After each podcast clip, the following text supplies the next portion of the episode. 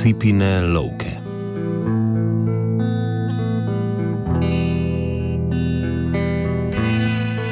Ob koncu epidemije bolezni COVID-19 imajo ljudje čas za pogled nazaj. Refleksijo in obsodbo dejanj, ki so se takrat zvrstila, pa prej zaradi večjih skrbi ni bilo nikomur kaj dosti mar. Epidemija je namreč večino držav ujela popolnoma nepripravljenih in v velikem pomankanju tako zaščitne opreme kot tudi ventilatorjev, ki bi morebitne kritične bolnike ohranjali pri življenju. Tako se je pričela dokaj neorganizirana dirka naročanja manjkajočih artiklov, ki pa po pričakovanjih ni bila izvedena najbolj po regelcih. Slovenija, denimo, je pripravila, pravila le malce prekoračila. Izginil je kak milijon ali dva, ponudbe so ostale neprebrane, kasneje pa so vse zanikali. Prav. V Bosni in Hercegovini je večja od dveh političnih entitet, Federacija Bosne in Hercegovine, izvedla 5 milijonski nakup respiratorjev preko malce neobičajnega podjetja in sicer FH Srebrna Malina, ki se, nepresenetljivo, večinoma obada s proizvodnjo in prodajo sadja in zelenjave, kar je precej daleč od nakupov medicinske opreme. Podjetje ni premoglo niti licence za uvažanje take mašinerije, vsaj dokler ni prva pošiljka že prispela.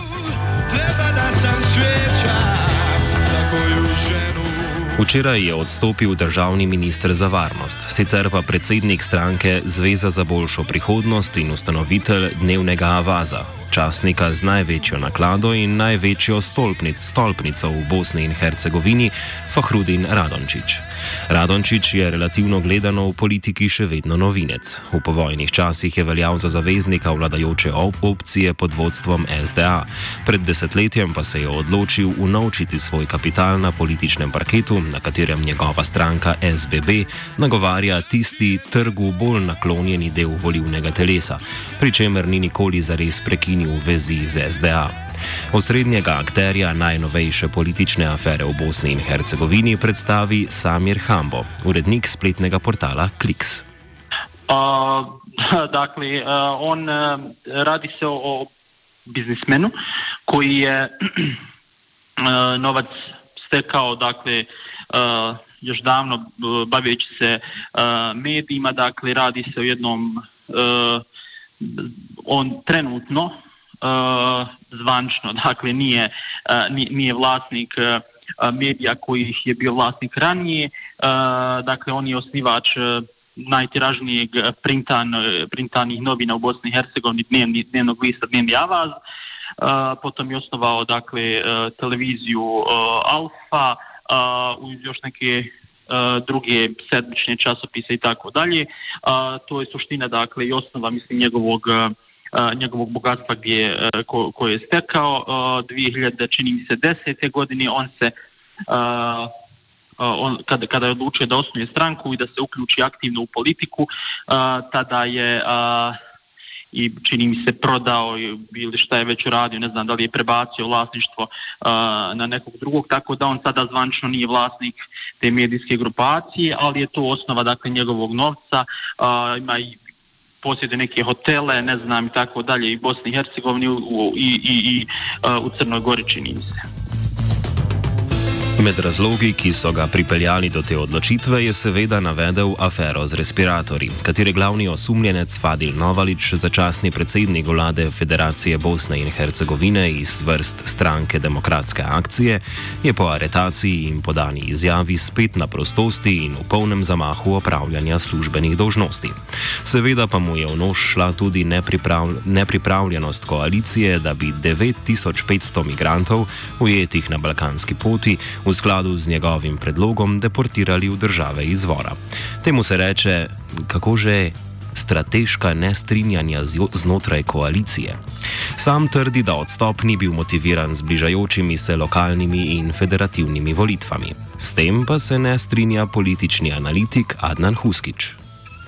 Well, first of all, um, you know, we just have to we just have to take a step back first because Radonjic, this is the third time that he is leaving the coalition with SDA and then states all the same reasons. So he, he basically tricked voters twice uh, at the last elections, at the election before last, when he said uh, under no circumstances will we ever enter into coalition with SDA.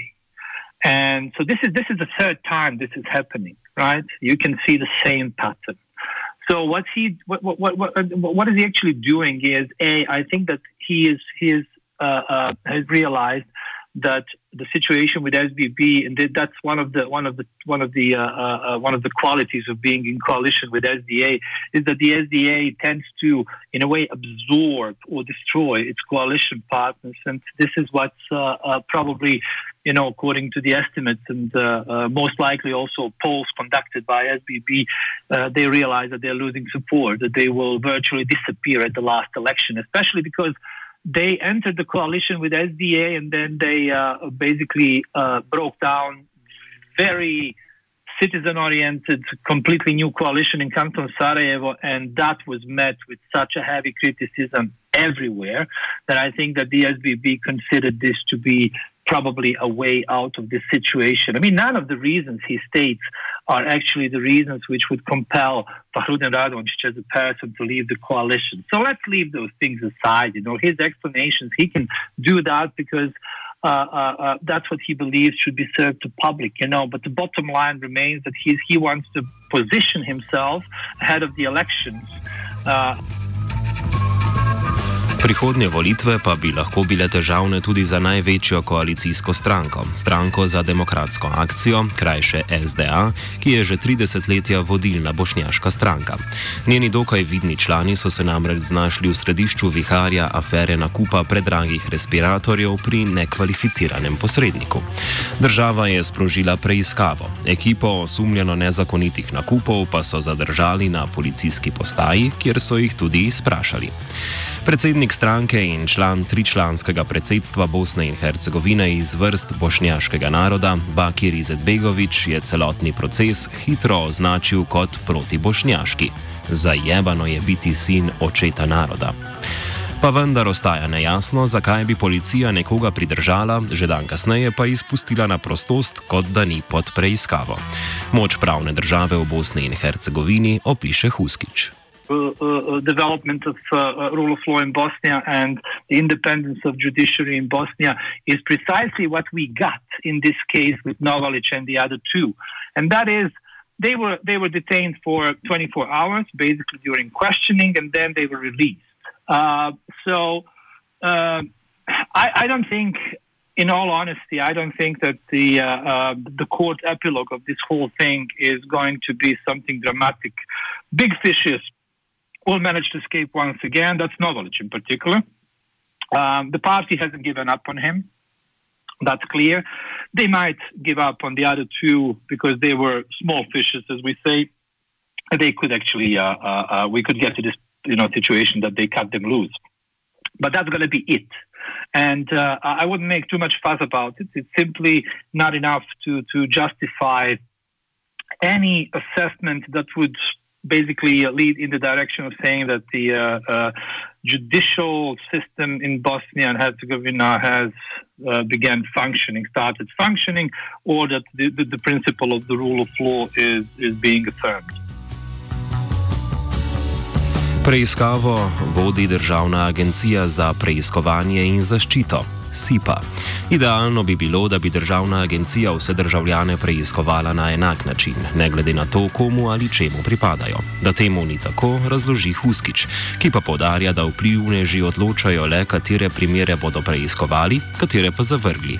V samem sodnem postopku naj ne bi razpolagali z nobeno močjo. Most of the institutions in Bosnia are um, under political control. So that's uh, uh, that's I would say probably the natural state of affairs for the past at least a decade or so, um, if not even longer. And um, the state level institutions, uh, security intelligence institutions, are equally part of this equation. Now, uh, the extent of political control is always uh, uh, um, um, is, is, something that we can we can discuss you know the extent to which these institutions are politically controlled. But uh, so far, it has proven to be so that uh, uh, the cases of high level corruption are usually disappearing uh, uh in the corridors of uh, state level institutions between the police and the, uh, and the judiciary. they are basically the cases are dropped on the basis on on the for procedural reasons, and everything points to the fact that there is a there is strong political control over these institutions. So, in this sense, the question the question who really controls these institutions after the elections because they are part of the uh, uh, they're part of uh, the, the political deal or coalition deal um, on the state level. So who's going to control SIPA? Who's going to be in charge of the Ministry of Security? And uh, uh, so basically, who controls uh, financial part? Who controls the security part?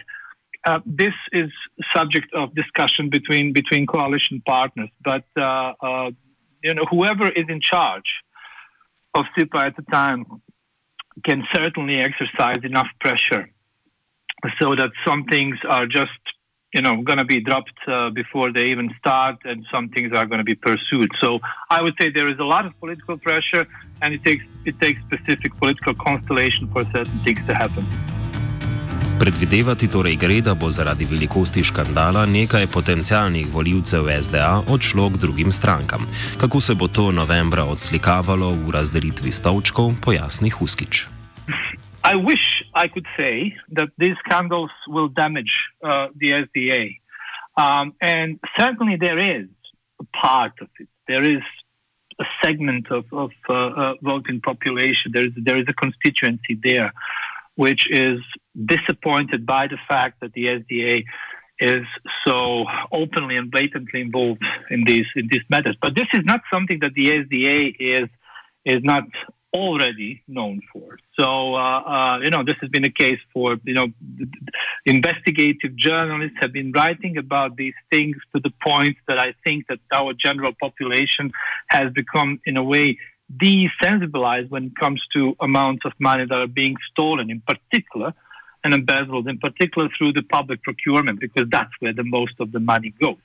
Uh, so if we know, and, and, I think that we can we can we can definitely say that a that Bosnia is almost entire in its entirety a captured state, which means every institution is politically controlled. We're talking about the fact that even those you know are not appointments but employments in the elementary schools and kindergartens, you know, people who are going to be there just to uh, uh, just to work as a you know kind of a handyman. All of these positions are politically controlled. You can get a job unless you have a political backing. So there is there's one one thing they have they have captured the whole system, and that made them in a way also not reckless, but I would say that more and more they realize that there is really no need to hide behind the facade of certain norms and the political culture. Torej, SDS, opa, no, pardon, SDA rada poje svoje koalicijske partnerice, njeni voljivci pa so že tako vajeni škandala, da jih ne gane niti vojno dobičkarstvo, niti prirejanje volitev. Offside je pripravila Lucija.